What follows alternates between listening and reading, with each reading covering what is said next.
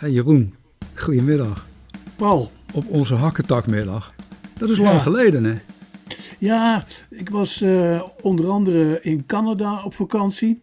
En een uh, maand lang heb ik uh, door British Columbia gereden met mijn vrouw. Zonder kranten te zien of televisie te kijken. En dat was toch wel een verademing. Eventjes uit de stress die je toch bevangt als je gewoon dagelijks met dat nieuws bezig bent. Eh, dat is natuurlijk voor iedereen zo. Maar het leek wel vrede in Canada. Mhm. Ja, je moet af en toe ook uh, openstaan voor het leuke nieuws. Hey, heb jij vandaag al drie koppen koffie gedronken? Um, ja. Nou, dat is heel goed. Als je je browser opent, zoals dat heet, dan krijg je vaak van die uh, gratis berichtjes. En vandaag stond er bovenaan, luister, wie twee tot drie koppen gemalen koffie per dag drinkt, heeft 27% minder kans om te sterven dan niet-drinkers. Eh, daarom drink ik zo waanzinnig Dus, dus, dus drie koppen koffie, je gaat nooit meer dood. Dat is toch het mooiste nieuws wat je kan krijgen, toch? Ja, ja. nou, dit is iets anders dan soep. Hè? Is er, komt er al iets boven over soep? Nee, nee, toch? Nee, dat is, nee de, soep, de soep, je bedoelt de soep van de musea? Ja, nou, dat, dat, is, dat is vandaag ook rustig uh, op dat front. Geen soepzooi? Uh, nee, nee, nee. Ik heb me erover verbaasd. en aan de andere kant is het maar goed ook dat die klimaatactivisten... die naar het soepwapen grijpen... Uh, vooraf zijn gegaan door uh, ja, een vorige generatie uh, dwazen, al waren dat maar enkelingen, die die schilderijen bewerkten met messen. het heeft wel gevolg gehad dat heel veel museadirecties nu die glasplaten ervoor zetten, zodat die soep over al die klassieken heen druipt. Ja, maar denk je ook niet dat die eh, jongens en meisjes, die dat waren overigens vooral jongens geloof ik, nee ook meisjes, die dat hebben gedaan, dat die daar ook niet een beetje rekening mee hebben gehouden. Ik denk dat ze er niet op uit zijn geweest om de boel werkelijk te beschadigen. Nee, natuurlijk niet. Ze zouden, je zou het bijna keurig kunnen noemen. Dat viel me op bij een van de allereerste keren. Dat waren twee, twee dames die zich lieten vastplakken. En uh, die waren groot in beeld. Er moest gewoon een cameraploeg bij geweest zijn. Dus ja, ik denk dat dat uh, dat het een protest is wat ook wel ja, hier en daar wat door de vingers is gezien.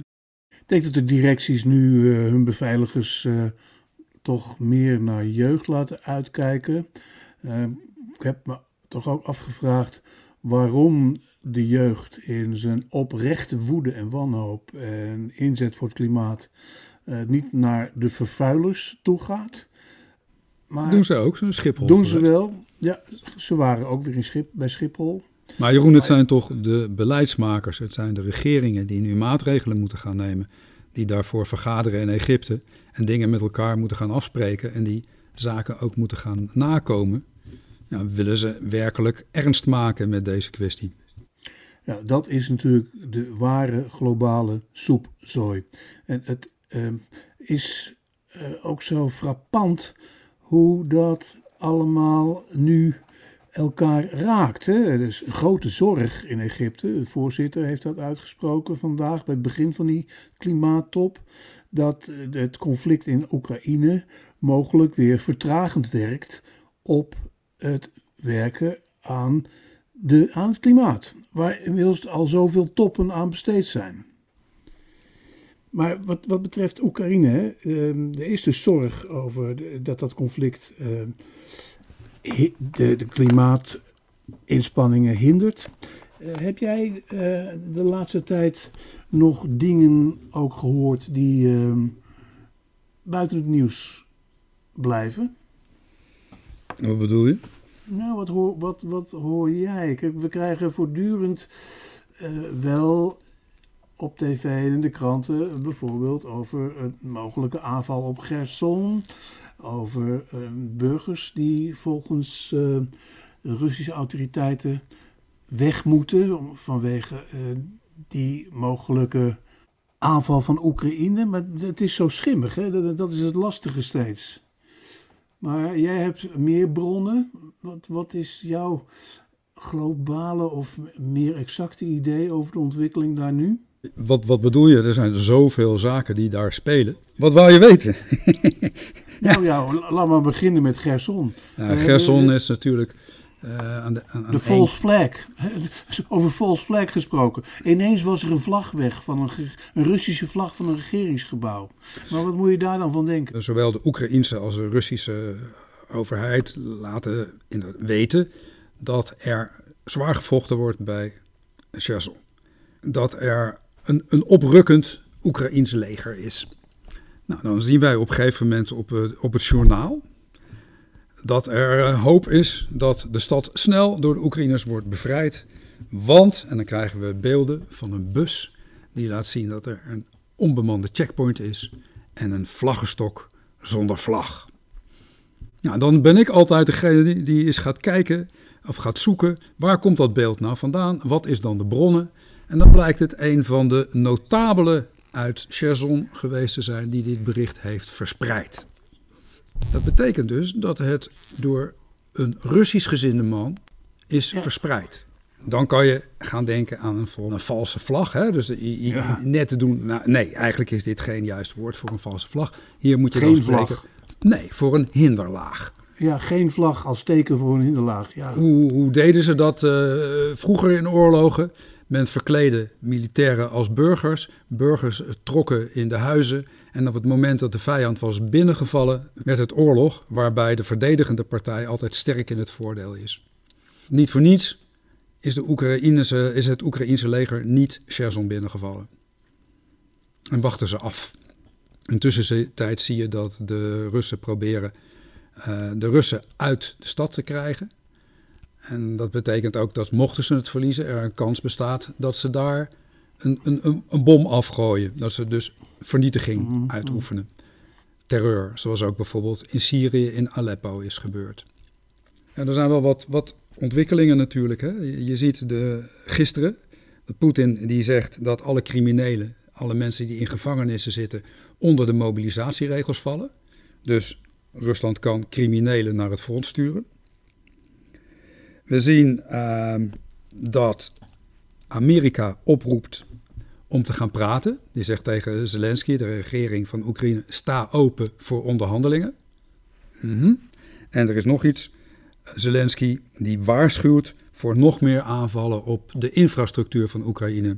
En zegt ook tegen de mensen in Kiev, mochten die aanvallen zo succesvol zijn dat Kiev straks ook zonder water, want vele steden zitten zonder water, en uh, elektra en, en, en brandstoffen komt te zitten, vertrek dan uit de stad. met andere woorden, ga naar het westen. En dan kom je precies, waarom, waarom doen ze dat nou, die Russen? Dat, dat, dat constant bombarderen van die energievoorzieningen en de infrastructuur. Nou, het breken van het moreel van de Oekraïners. Uh, het laten zien dat je succesvol bent naar de binnenlandse luisteraars en kijkers, hè? de binnenlandse publiek. En, maar dat is iets wat we nog wel eens vergeten, destabiliseren van Europa, van West-Europa, door een enorme vluchtelingenstroom op gang te brengen. Er zijn natuurlijk al heel veel vluchtelingen, maar dat, dat wordt is wel gebeurd, wat ik al zeggen, ja, wat ik al zeggen, ja. Ja, en Rusland heeft dat eerder gedaan, hè? Syrië, Belarus en nu Oekraïne. En je ziet hoe lastig dat is in West-Europa om daarmee om te gaan. Maar wat ik zo verbaas, en jij kijkt er veel secuurder naar, is dat je uit de berichtgeving bij ons in het Westen, wat er vandaan komt, hè, met zo'n beeld van een verdwenen vlag, steeds de indruk krijgt van het is op handen. Er gaat nu snel iets gebeuren. En um, ook als onderdeel van uh, de spanning die of je nou wilt of niet, in je eigen vredige Nederlandje bijvoorbeeld, toch wordt opgevoerd. En vervolgens gebeurt er niets. Die vlag bij zou, zou bij wijze van spreken gewoon weer kunnen wapperen daar. In mijn idee is dat het gewoon veel te gevaarlijk is om die stad binnen te vallen. En vergis je niet, die, die, de Russen is natuurlijk toch een machtig leger. Er zijn heel veel mensen op het ogenblik uh, gemobiliseerd. Het zijn grote hoeveelheden soldaten. Het verdedigen van een positie is altijd veel makkelijker dan het innemen van een positie. Ze zeggen wel eens: het kost drie keer zoveel mensen om een positie in te nemen dan om hem te verdedigen. Met alle ellende van dien. Dus ja, het is nog niet zo makkelijk allemaal. Maar kun je overzien wat die mobilisatie uh, nu, een aantal weken later, werkelijk uh, voor betekenis heeft, behalve een kwantitatieve toename van het aantal Russische soldaten? Nee, nee dat, uh, daar hebben we geen zicht op hier. Nee, want het Russische leger is sterk, geef je net aan. Alleen heeft die mobilisatie, laat ik, het zeggen, laat ik zo zeggen, wat mij betreft, um, nog niet significant bijgedragen aan toenemen, toename. En ik denk dat Rusland er nu voor kiest om vooral te zorgen dat ze geen gebied meer hoeven prijs te geven. En de weg naar Odessa openhouden de havenstad, die al vaker als doelwit is genoemd, tot nu toe ongeschonden is gebleven. Ja, is natuurlijk wel met raketten bestookt hè, en met mm -hmm. uh, drones. Maar mm -hmm. de, de, de manschappen zijn nooit in de buurt gekomen. Even wat betreft uh, het wapen van de propaganda. Daar is natuurlijk de laatste weken ook een opvallende omslag in uh, te horen en te zien geweest. ze schakelen over van um, narratief over neonazis naar Satan. Ja. Uh, gesteund ja. door de, die Russische poppenkastbisschop. Nou ja, ze zijn uh, vooral nu uh, bezig om de binnenlandse publieke opinie zo te vormen dat het nu een echt gevaar is voor Rusland. Want het is, is een dreiging vanuit de Verenigde Staten en vanuit West-Europa, maar vooral vanuit de Verenigde Staten. Ja, en dan wordt die afgeschilderd als, uh, als het kwaad, hè? En daarbij sluiten ze aan bij, bij wat wij ook wel, wel kennen. Hè? Alle kwade mensen, wat die allemaal verschrikkelijke dingen doen. Aan, aanbidden van Satan, opofferen van kinderen. al dat soort gekkigheid. Nazi's noemt hij ze. Ja.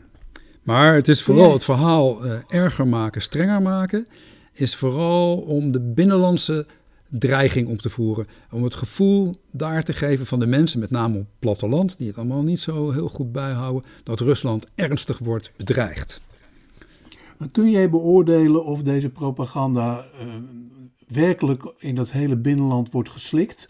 Dat die mensen echt zo braaf zijn? Dat is aan de ene kant. En uh, in hoeverre de Russische oppositie uh, nu ook begint te schaterlachen over zoveel onzin?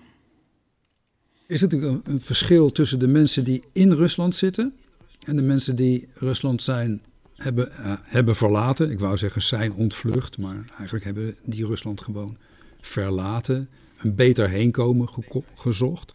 En, en binnen de mensen die Rusland hebben verlaten zitten critici. Een aantal daarvan, oude Duma-leden, die hebben gisteren een soort schaduwparlement opgericht. Ja, een aantal mensen die, uh, die internetwerk deden en dergelijke zijn gewoon naar het buitenland gegaan om mobilisatie te ontlopen. Maar dan hebben we het vooral van mensen uit de stad. En in de stad zijn vaak hoogopgeleide mensen, mensen die ook nog toegang hebben tot buitenlands nieuws, die zich een beetje op de vlakte houden. En daar zitten natuurlijk ook heel veel mensen bij die zeggen: ja, dit is een rare oorlog. Daar blijven we buiten en wij gaan niet uh, lang leven Poetin roepen. Maar op het platteland schijnt dat toch heel anders te liggen. Ik uh, hoor wel eens uh, van mensen uit Oekraïne die familie hebben. En die, die, die waarschuwen altijd: verwar Moskou niet met Vladivostok en allerlei andere plaatsen. Kleine dorpen, kleine stadjes op het platteland. En daar is nog een heuse vaderlandsliefde. Die mensen die krijgen elke dag fanatieke talkshow-hosts. En die vaak nog veel verder gaan dan Poetin. Die, die rekken het zo ver op dat Poetin daar zelfs als een soort gematigd bemiddelaar kan, uh, kan optreden. Van die zegt van ja, we maken het nog niet zo erg, maar dit en dat en dat. En die mensen die pleiten voor, voor grote bombardementen, noem alles maar op. Voor inzet van kernwapens. En, dan, en nu ook ja, het duivelse land, aanval van de NAVO die op handen is, de Verenigde Staten die Rusland bedreigt dan kiezen mensen voor de leider. Dan kiezen mensen voor het vaderland. En dan schijnt dat die aanhang daar heel groot is. En dat mensen zelfs nog een bepaalde trots kunnen opbrengen voor een zoon die aan het front is gesneuveld. Ja, dat kennen wij niet meer. Ja, dat is een hele mooie analyse van hoe dat in die hoofden werkt. Eh, laat ik eventjes terugkeren naar ehm, onze streken. Hè, over het kwaad en Satan gesproken. Ehm, hebben wij in Nederland gisteren niet het genoegen gehad om die merkwaardige Brit te aanschouwen en aan te horen. Die David Icke. Um, gewoon gestuit. Uh, mag het land niet in. En mag andere Europese landen ook niet in. Terwijl zijn beweringen hem eigenlijk al vooruit zijn uh, gesneld. Hè? Ja, man die al heel lang aan de weg timmert met uh, fantasietjes. Wat waren er over weten, Jeroen? nou ja, um, er is natuurlijk de enige ophef of het uh, niet uh, tegen de vrijheid van meningsuiting is, of je hem niet gewoon wel moet toelaten. Uh, er is op, op dit punt ook nog een enig duidelijk verschil van mening in de regering. Ja, binnen de regering? Ja, ja, ja, ja misschien. De, je ziet wel iets, iets aparts gebeuren. De regering heeft natuurlijk nu een besluit genomen waarbij nauwelijks te ontkennen valt dat er ook inhoudelijke gronden een rol hebben gespeeld. Maar, en dat vond ik ook wel heel grappig, in het journaal was het de staatssecretaris uh, die, van immigratie. Die, van den Burg? Ja, die het uh, weigeren van de toegang tot Nederland verdedigde door te zeggen hij is een gevaar voor de openbare orde. Mm -hmm. Terwijl de minister van Justitie. Justitie gewoon aangaf dat er ook een inhoudelijke reden was dat hij verschrikkelijke dingen vertelde. Waardoor er sprake zou kunnen zijn tot het aanzetten van haat of het verstoren van de openbare orde, dat er een dreiging van zou uitgaan. In feite heeft de regering gebruik gemaakt van drie soorten argumenten. Ze hebben gekeken naar de inhoud van de boodschap en ze hebben gekeken naar het recht op demonstratie en de vrijheid van meningsuiting. En dat hebben ze allemaal een beetje op een hoop gegooid, denk ik. Ja, maar zouden ze ook niet extra voorzichtig zijn geworden uh, na, dat vraag ik me nu echt even hardop af als u spreekt, door alles wat er in de coronatijd is uh, ontstaan aan vrevel en weerzin over overheidsingrepen en um, ook door complottheorieën aangewakkerde groepen gewelddadige jongeren. Uh, zijn ze kortom corona voorbij, maar complottheorie nog steeds als gedachtegoed aanwezig, niet extra voorzichtig geworden? Ik denk dat het veel meer is een zorg om democratisch functioneren in Nederland. Kijk, mensen die David Icke uitnodigen, hè, die spreken ervan dat we in Nederland helemaal niet meer een democratie hebben, maar een dictatuur. Ze spreken ook altijd over het regime. Hè? En dan nodig je mm -hmm. iemand uit die zegt dat onze bestuurders niet zelfstandig en autonoom handelen, maar worden aangestuurd door een internationaal complot van uh, reptielen. En daarbij zeggen dan degene die hem uitgenodigd, ja, er zit niks van antisemitisme in. Maar dat is flauwekul, want op het moment dat je het werk van Ike leest, en dat, ik zou dat niemand aanraden om te doen, want het is, ja, het is een redelijk bizar. Maar goed, als je het leest, dan verwijst hij toch wel steeds naar Joodse mensen ja. die de wereld in handen willen nemen. die, die een groot globaal complot smeden om de mensen te controleren en de wereld over te nemen. En dat controleren dat gaat dan weer via prikken, via injecties. En zo komen mensen natuurlijk op een, een hele, in een heel vreemd verhaal terecht. Van goeden tegen slechten. En waarbij onze bestuurders en masse onder de slechten worden geschaard omdat zij niet zelfstandig handelen, maar worden aangestuurd. Ja, en dan verwijs ik graag naar de protocollen van de Wijze van Zion, een van de grootst mogelijke giftige complottheorieën, een puur antisemitisch denken. Een schotschrift uh, wat is uh, samengesteld, en dat is toch wel heel bijzonder ook in deze tijd, door de geheime dienst vanuit Rusland om het Westen te destabiliseren eind 19e eeuw. Ja, en de grote verspreiding vond plaats in de jaren 20, eind jaren 20, jaren 30 in, in West-Europa. Het heeft een rol gespeeld bij de, de Holocaust, Omdat mensen dus de Joodse medemens min of meer hadden ontmenselijkt. En dat is, dat is heel griezelig en ik denk dat je daar uh, zeer, zeer bewust van moet zijn. Welke effecten dat kan hebben. Maar ook de dreiging die uitgaat naar ministers, naar staatssecretaris, staatssecretarissen, leden van de regering, die allemaal onderdeel zouden zijn van dat grote complot. Nou ja, ehm, we hebben het ook wel vaker ontrafeld en ook benadrukt uh, hoezeer die protocollen zijn ontzenuwd als uh, nep. Um, zo iemand als Aiki geeft er een moderne variant aan. Uh, ook nog eens um, gesteund, dan wel geschraagd door merkwaardige films als The Matrix. Maar dan, als die niet komt, zijn er gisteren in Amsterdam toch nog zo'n duizend mensen namens Samen voor Nederland op de been gekomen, samengekomen.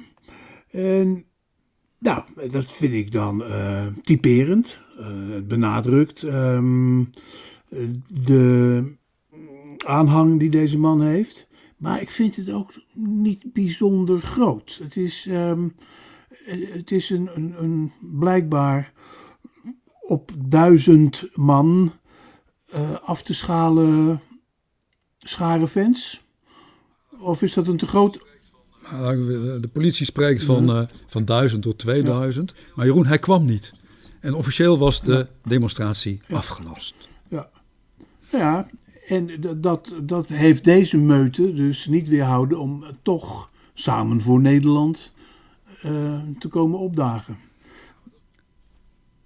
Ja, maar dat is de ellende van, uh, van propaganda. Dat is de ellende van uh, ja, wat je noemt post-truth, valse informatie. En dat blijven herhalen, via meerdere kanalen verspreiden. Want er zijn natuurlijk ook in Nederland de nodige mensen die internetkanalen hebben, eh, die YouTube-kanalen hebben, waar ze deze boodschap constant over de mensen uitdragen. Dat er natuurlijk ook mensen zijn die dit gaan geloven. Ja, alleen zeg ik dan. Dus mensen Zeker, die gaan er echt heel... in geloven dat er een kwaadaardig complot, complot is. Klom, klom, ja, ja, een complot. ja.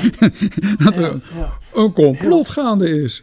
Jeroen, en, en, dat is, en dat is bedreigend. En dat is angst. Die mensen die worden angstig gemaakt. Die weten niet meer wat ze moeten geloven.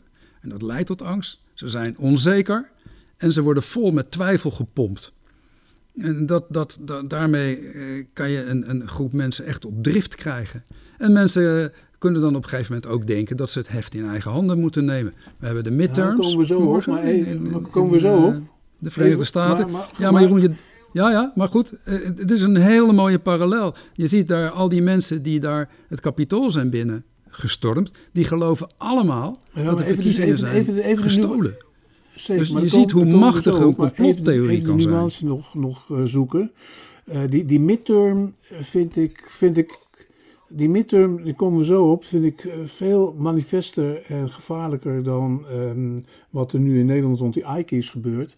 Maar geeft die, geeft die duizend... Geeft, ja, vergis je niet, Jeroen. Zeker, dat het is een patroon. manifest aanwezig. Maar dat getal van duizend blijft mij fascineren. Geeft dat aan um, hoe, hoe, groot en manifest het gif is? Of um, is het toch relatief?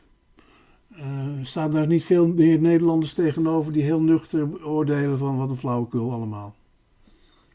Nou, ken jij ze niet in je omgeving? De mensen die toch wel denken, ja, waar rook is, is vuur. Kijk eens hoe het op dit moment gaat met het vaccineren. Heel veel mensen die durven niet meer.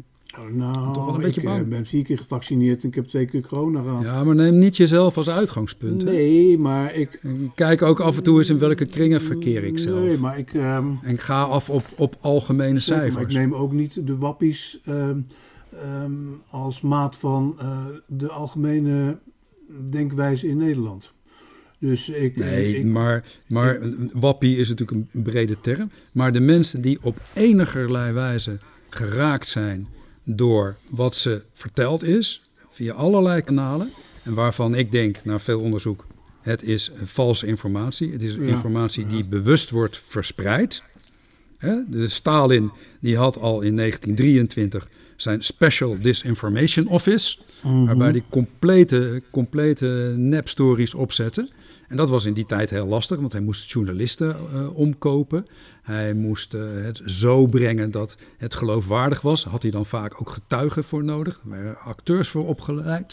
Maar Poetin die heeft het Internet Research Agency. En die verspreiden massaal nepnieuws. Maar die kunnen dat op hun eigen kanaal doen. Die kunnen, hebben rechtstreeks toegang tot allerlei sociale kanalen. Kost ze niks. Hoeven geen, uh, geen ja. journalisten te overtuigen. Nee, en dat vindt dat verspreiden vindt massaal plaats. Herinner je bijvoorbeeld uh, dat, dat filmpje van die mevrouw, die uh, premier uit Finland? Die had een feestje. En ja. overal op internet was het te zien dat zij aan het feesten was. En het verhaal daarbij was, ze had cocaïne gesnoven en heel veel gedronken. Nou, die mevrouw heeft me zo verstandig geweest om meteen een drugstest te laten doen. Bleek allemaal niks van waar te zijn. Mm -hmm. Dus het verhaal werd gefalsificeerd. Maar ook daar werd iemand die een hoogwaardigheidsbekleder is, gedemoniseerd. Haar geloofwaardigheid werd ondergraven. Waar kwamen heel veel van die filmpjes vandaan? Uit uh, Russische bots. Die werden massaal over Europa verspreid. Niemand kon zich eraan onttrekken. Verhalen kwamen in de krant, terwijl er één privékiekje was. Ergens opgepikt. En zo gaat dat met heel veel. Ja, maar even terug, want we was nog niet helemaal klaar met uh, het zoeken naar de, naar de juiste proporties in eigen land, hè, voordat we naar uh, uh, buitenland opschalen.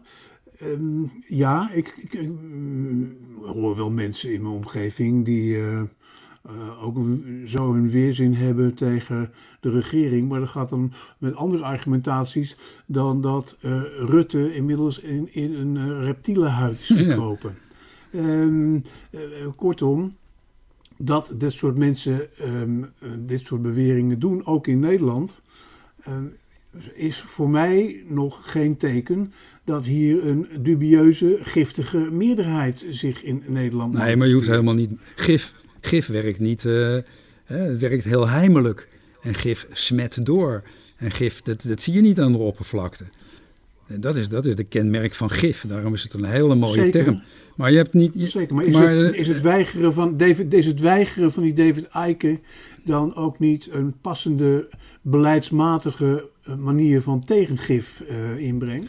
Er zitten twee kanten aan. Aan de ene kant, door hem te weigeren, krijgt hij zoveel aandacht dat er ook mensen zijn die nog nooit van hem hebben gehoord, die nu toch eens gaan Ja. kijken, nou wat heeft die man allemaal te Ja. Nou ja, ik zei net al, ik nodig je niet uit om dat te doen, maar als je het wel doet, ja, el- elke drie, vier zinnen kun je je bedenking plaatsen. Maar goed, laten we daar even eh, niet langer bij stilstaan. Aan de andere kant denk ik dat een regering een beetje terughoudend moet zijn. Die is zelf onderwerp van dit complot. Dus terughoudend moet zijn om zoiets te verbieden. Ik vind dat primair een taak voor de rechter. En ik denk Ja. dat we zo langzamerhand een aantal van die mensen die nepnieuws verspreiden, gewoon eens moeten laten toetsen door een rechter. En eens kijken of onze wetten toereikend zijn om vergiftiging van de publieke opinie te weerstaan.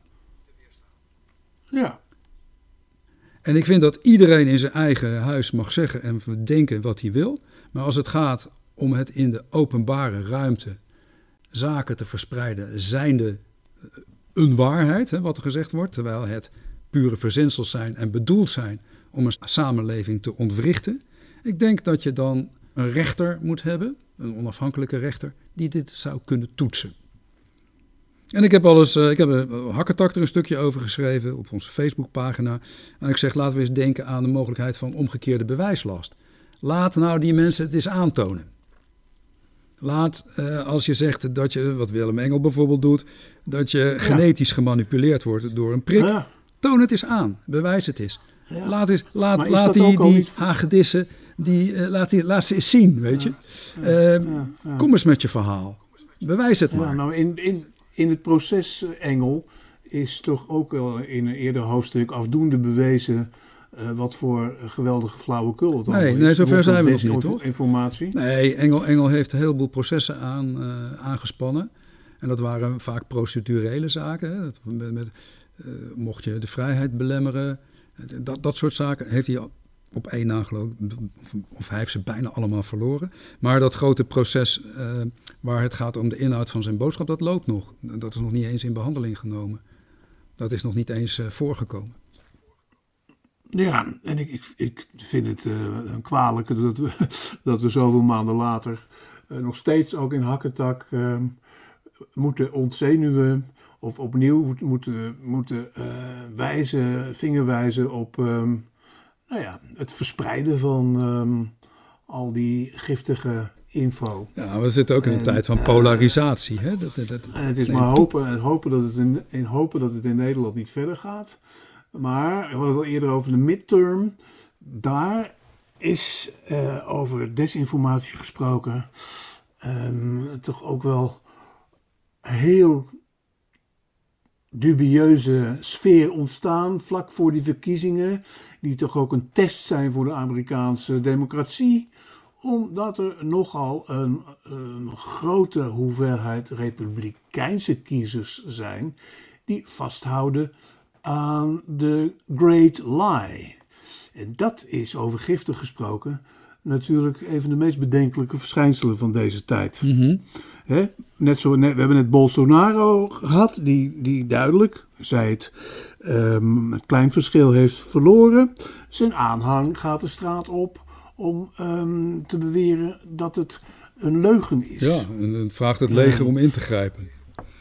Waar is de tijd gebleven dat een verkiezing met duidelijke cijfers uh, vervolgens uh, ook algemeen werd beschouwd als een uh, rechtsstatelijke, eerlijke weergave van de verkiezingsverhoudingen. En dat is wat, wat rechtsstatelijk en democratisch op het spel staat bij de midterm in Amerika. Nou, we gaan dat, we gaan dat zien. Um, het wordt, wat mij betreft, waar het vroeger gewoon tussentijdse verkiezingen waren, die wel eens uh, een tik op de neus van de zittende president werden.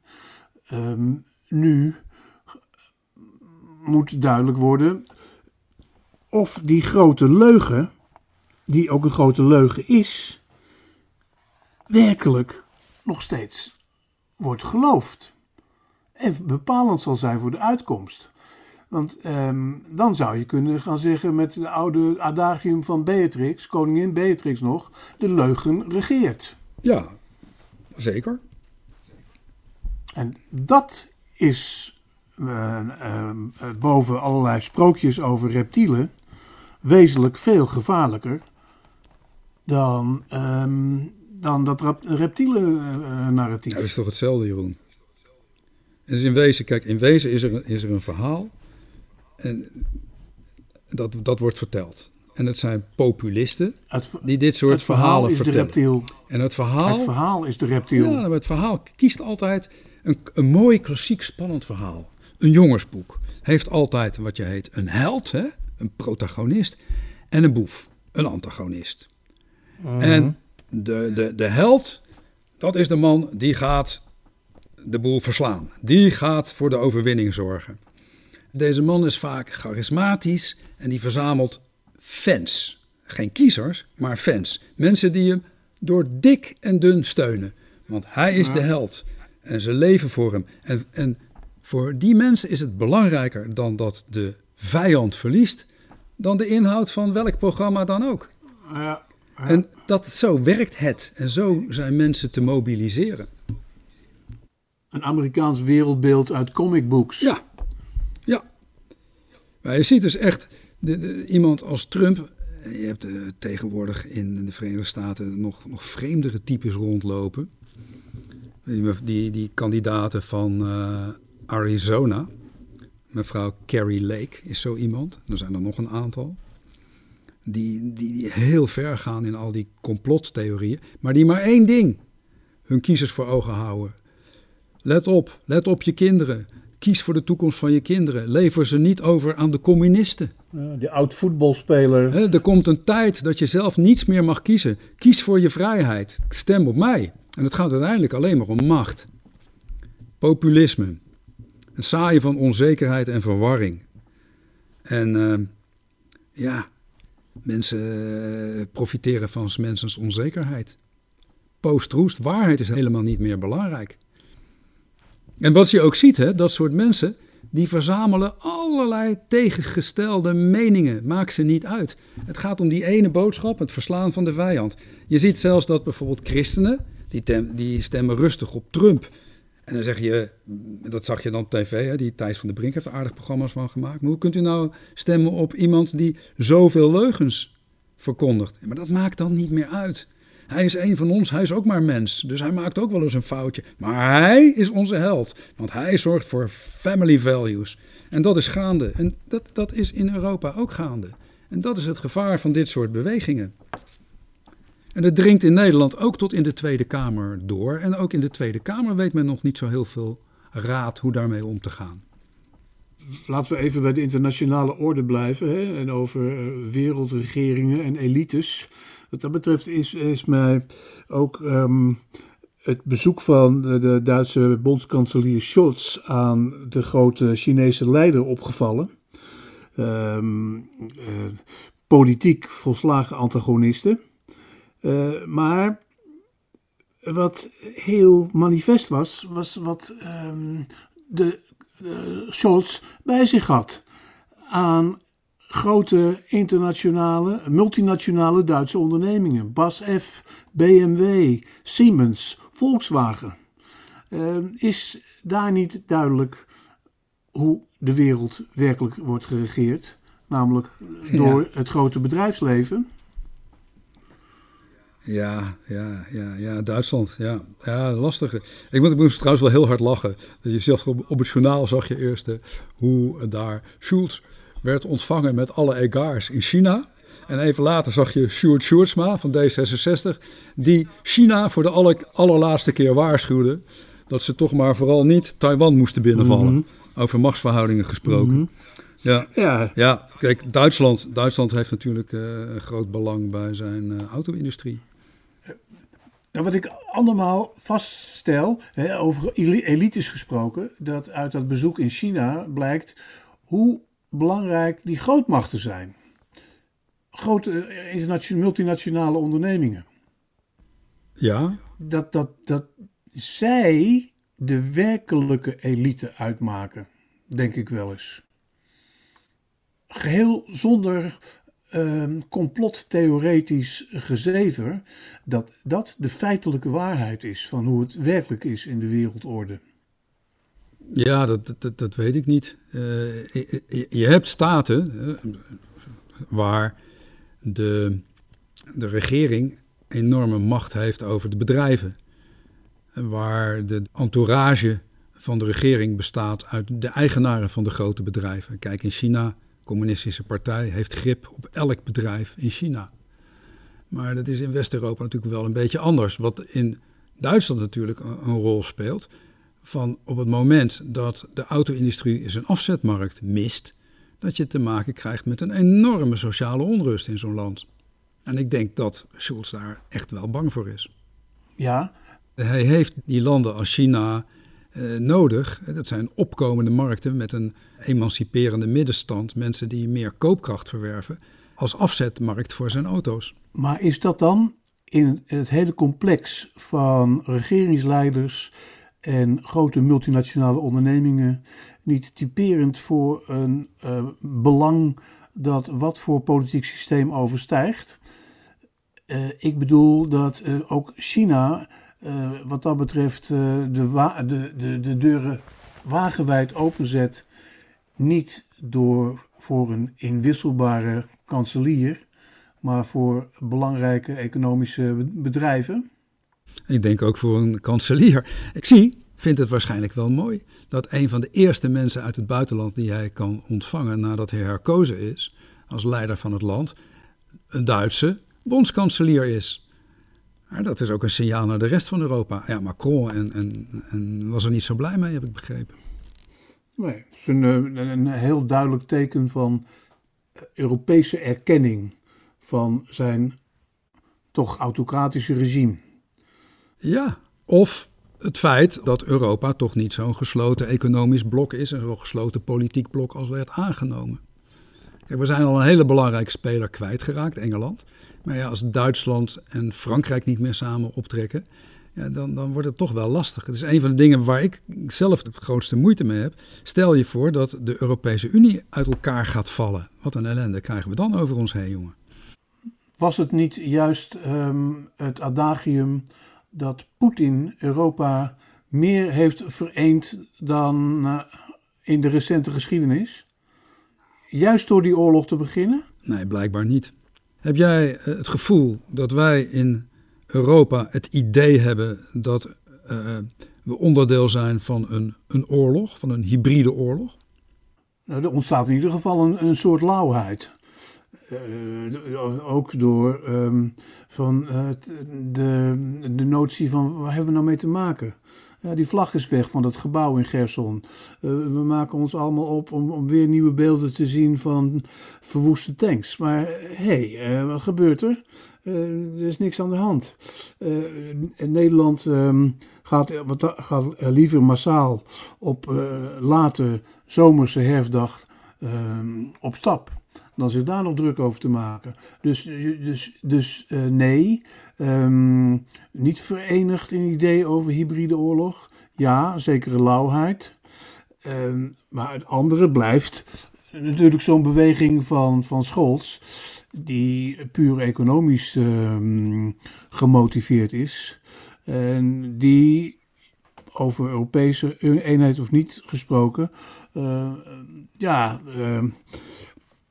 uh, voor de muziek uitloopt, laat ik zo zeggen. Het belang van zijn industrie dient. Het belang uh, van uh, sociale rust in het land dient. Het is een sociaaldemocraat, hè? Een sociaaldemocraat die eindelijk weer eens aan de macht is in, in dat grote land. En die moet natuurlijk ook een beetje staan voor zijn werkende klasse. Voor de arbeiders van de fabrieken. Voor de mensen die in, in die auto-industrie werken. Dat zijn er heel erg veel. En in andere industrieën, die toch ook al te lijden hebben gehad onder de corona. Nou, dan heeft hij en de werkende klasse, maar ook de CEO's van die grote multinationale ondernemingen tevreden gesteld. Ja. Even uh, terug naar um, Nederland. Over het beeld van de democratie gesproken. Uh, het lijkt erop, of het is misschien gewoon wel zo, dat de Tweede Kamer zelf uh, het beeld van de democratie niet veel florissanter maakt, gelet op uh, de recente rumoer rond de voormalige Kamervoorzitter, mevrouw Ariep. Nee. Nee, nee, zeker niet. Nee. Jij hebt een aantal aantekeningen gemaakt, onder andere al op uh, Hakketak. Ja, ja, ja. ja. Waarbij ik de, beweer dat twee van de acht, dus een kwart, het zijn eigenlijk negen, maar er is een voorzitter, uh, leden van het presidium bereid zijn om een ambtsmisdrijf te plegen. En dat onvervroren toegeven. Kijk, we hebben in Nederland altijd de, de, de wet, de regel, de norm, dat je iemand pas schuldig verklaart als het daadwerkelijk is aangetoond. En mevrouw Riep, die werd al schuldig verklaard voordat uh, er überhaupt een degelijk onderzoek was geweest. Doordat een lid van het presidium daarover lekte naar de NRC. Zaterdag lekken twee leden van het presidium, die daarbij nadrukkelijk aantekenen tegen de journalist: let op, zet mijn naam niet in de krant, want ik pleeg hier een ambtsmisdrijf. Die zeggen: ja, we zijn eigenlijk misschien wel een beetje misleid. En als ik het allemaal geweten had, dan weet ik nog niet of ik zo had gereageerd. Ja, joh, dat kan niet. Als parlementariërs zich zo gaan gedragen, als jongetjes die zich betrapt voelen of die, die uh, om de fatsoenlijke parlementaire en rechtsregels heen stappen, ja, dan maak je, vind ik, je parlementaire functie belachelijk. Ik zeg het nu hard, maar die regels zijn er natuurlijk ook niet voor niets. Hè, dat zijn er om ons te beschermen tegen machtsmisbruik. Ja, het is ook volslagen lachwekkend, want um, uit die publicatie en andere publicaties blijkt dat het niet zozeer alleen de rol is van mevrouw Ariep, maar um, meer een beeld geeft van de algemene onveiligheid in de Tweede Kamer. Ook. Uh, ja. uh, dat dat, dat um, de klachten niet alleen haar betreffen, maar het algemene klimaat in de Kamer. Mm. Nou ja, dat gevoegd bij wat je ook wel ziet aan scheldpartijen. Niet jegens ehm, Kamerleden op straat, maar ja, ook door bepaalde forumkliertjes um, gebezigde woorden, draagt niet bij tot um, een, een, gunstig beeld van de Nederlandse politiek. Waar juist mevrouw Ariep in een carrière van meer dan twintig jaar in het parlement. Uh, toch een van de meest integere, uh, ik zou niet zeggen voorbeeldige, maar uh, goede politici is geweest. Ja, dat was een goede Kamervoorzitter. Ja, dat wordt ook algemeen erkend. Bij haar is een beetje de vermenging van haar rol als, uh, ja, als een soort uh, interim manager, ambtelijk, binnen de ambtelijke top. En haar rol als politicus verward geraakt. En ik denk dat dat een van de lessen zou moeten zijn die men nu in de Kamer moet leren. Dat als jij uh, iemand een reorganisatieopdracht geeft in de top, in, in het personeel, dat je daar niet een politicus voor moet nemen. Want de politicus moet verantwoording afleggen aan het volk. Zeker, maar, ja, maar dat denk ik ook aan wat mevrouw Bergkamp uh, na uh, wat incidenten met die forumklieren heeft gezegd, namelijk dat er een gedragscode moet komen. Blijkbaar veel algemener zou moeten worden vastgelegd, gelet op uh, dit gelek en het tumult rond mevrouw Ariep. Ja, precies. Hoe, vraag je aan het presidium om een gedragscode vast te leggen, terwijl twee leden van het presidium niet te vertrouwen zijn, omdat ze... Zich misdragen. Ja, het, het is natuurlijk bizar zo langzamerhand. En ik vind dat die uh, Kamerleden eens een keer met z'n allen 150 een dag op de hei moeten gaan zitten en eens een keer gaan nadenken van waarom ben ik op aarde, waarom ben ik politicus? Ben ik politicus om elkaar af te zeiken of ben ik politicus om de maatschappij te verblijden met mooie en goede ideeën? We hebben het vorige verkiezingen al gehad. Het ging helemaal niet meer over een ideeënstrijd. Het ging helemaal niet meer over uh, compromissen. Het ging alleen nog maar over, over personen die, die wilden regeren met kleine deelbelangetjes. Ja, zo werkt democratie niet. Democratie is het algemeen belang heeft voorrang. En iedereen moet ten opzichte van het algemeen belang zijn eigen belang een klein beetje ondergeschikt maken. En alleen dan ja, komt je eigen belang ook tot zijn recht op termijn. En dat, dat schijnen we vergeten te zijn. Dat is natuurlijk, denk ik, ook gelet op het voorbeeld van Amerika in Nederland uh, al veel langer aan de hand. Hè? Kies Lubbers, kies zus, kies die. Um... Jawel, maar die stonden nog wel voor duidelijke ideeën. Eh, een partij die dat heel sterk heeft gedaan was uh, met name D66. Hè? Kies Kaag. Twee, twee punten, ja, kies Kaag en ander leiderschap. Maar kun je mij de belangrijkste drie programmapunten noemen? Nee. Ze zijn niet gecommuniceerd. Ze zijn niet helder. Ik denk dat politici zich dat moeten aantrekken. Dat, die moeten eens proberen van, wat zijn nou onze ideeën? Waar willen we naartoe? En in een parlementaire democratie waar je compromissen moet sluiten met andere partijen, ja, daar, daar gaat dat niet van de ene dag op de andere. Maar je kunt je richting aangeven. En je kunt over de termijnen discussiëren, maar daar ga je naartoe. En daar zoek je coalitiepartners bij. Ja. En dat, dat, dat zien we niet meer zoveel. En misschien is dat heel belangrijk om weer eens terug te krijgen. Nee, wat, wat zien we wel? Je ziet een kabinet dat valt, gevolgd door uh, verkiezingen. En je krijgt ongeveer hetzelfde kabinet. Ja, nou, um, dat verstandig voorstel. Laat ze naar de hei gaan. Ja. In dit klimaat, vlak voor de midterm, werd wel of niet een slag om, Gersof, om Gerson. En um, het aflopen van een klimaatconferentie in Sharm el-Sheikh. Uh, we hebben nog genoeg te bespreken de komende tijd, Paul. Ja, absoluut. Absoluut, absoluut. We zijn weer bij. Jeroen, tot volgende week. Ja, heel goed. Bye.